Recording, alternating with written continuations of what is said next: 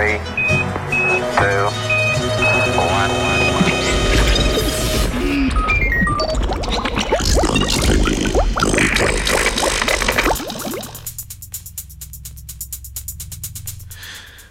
Mučiteljica črevesne sluznice.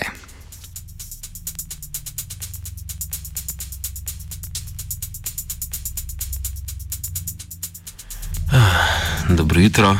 Um, patogena bakterija Clostridium difficile je znana po tem, da uničuje celice črevesne stene, kar pri okuženih povzroči pseudomembranski kolitis.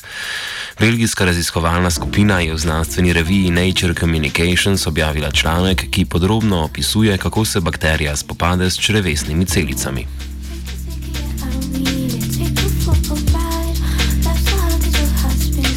Bakterija je lahko del naše črvesne flore. Klostridi tvori spore in se tako prenaša med ljudi. Pri bolnikih, ki jemljajo antibiotike ali so nedavno imeli operativni poseg, lahko bakterija povzroči bolezen z imenom pseudomembranski kolitis. Kot samo ime pove, bolezen povzroči, da se v vrhni plasti sluznice tvorijo membrane, ki ovirajo prebavo.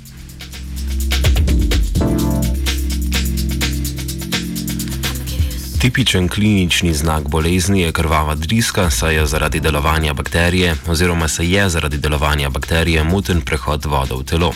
Clostridium difficile namreč proizvaja dva toksina, ki škodita celičnim gradnikom, vnetje pa se pogosto pojavijo ob neravnovesju v črevesni flori. Nepatogene bakterije, ki navadno prebivajo v našem črevesju, namreč svojim obstojem preprečujejo razmnoževanje klostridija.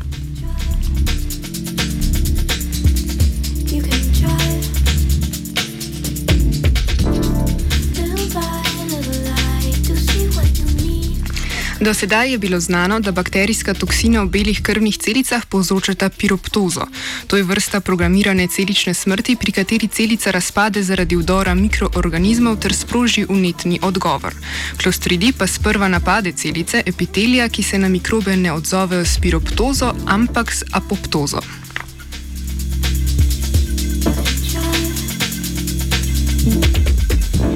Apoptoza je prav tako vrsta programirane celične smrti, kjer se celično jedro skrči skupaj z vsebino celice. V nadaljevanju celica razpade na manjša telesa, obdana z membrano in za razliko od piroptoze ne sproži vnetja. Apoptozo lahko sprožita dve poti in sicer interinzična in eksterinzična pot, ki se razlikujeta v medijatorjih signalne poti.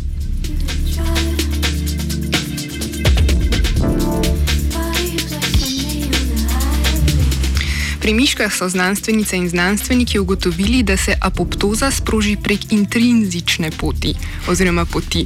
Odkrili so tudi povečano aktivnost kaspas 3 in 7, ki sta pokazatelja apoptoze. Kaspaze so encimi, ki cepijo proteine in sodelujejo pri razvoju apoptoze. Tako naj bi se gostitelj pred klostridijem zaščitil samomorom okuženih celic. Točen potek pseudomembranskega kolitisa pri človeku še ni znan, raziskava možnih rešitev ob začetku bolezni pa je pokazala na tako težavno bakterijo, kot je klostridium difficile.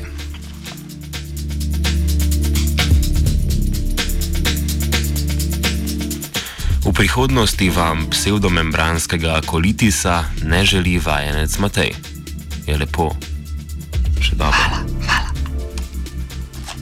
Prepričan sem, da vam ne bo uspelo to, kar grozite.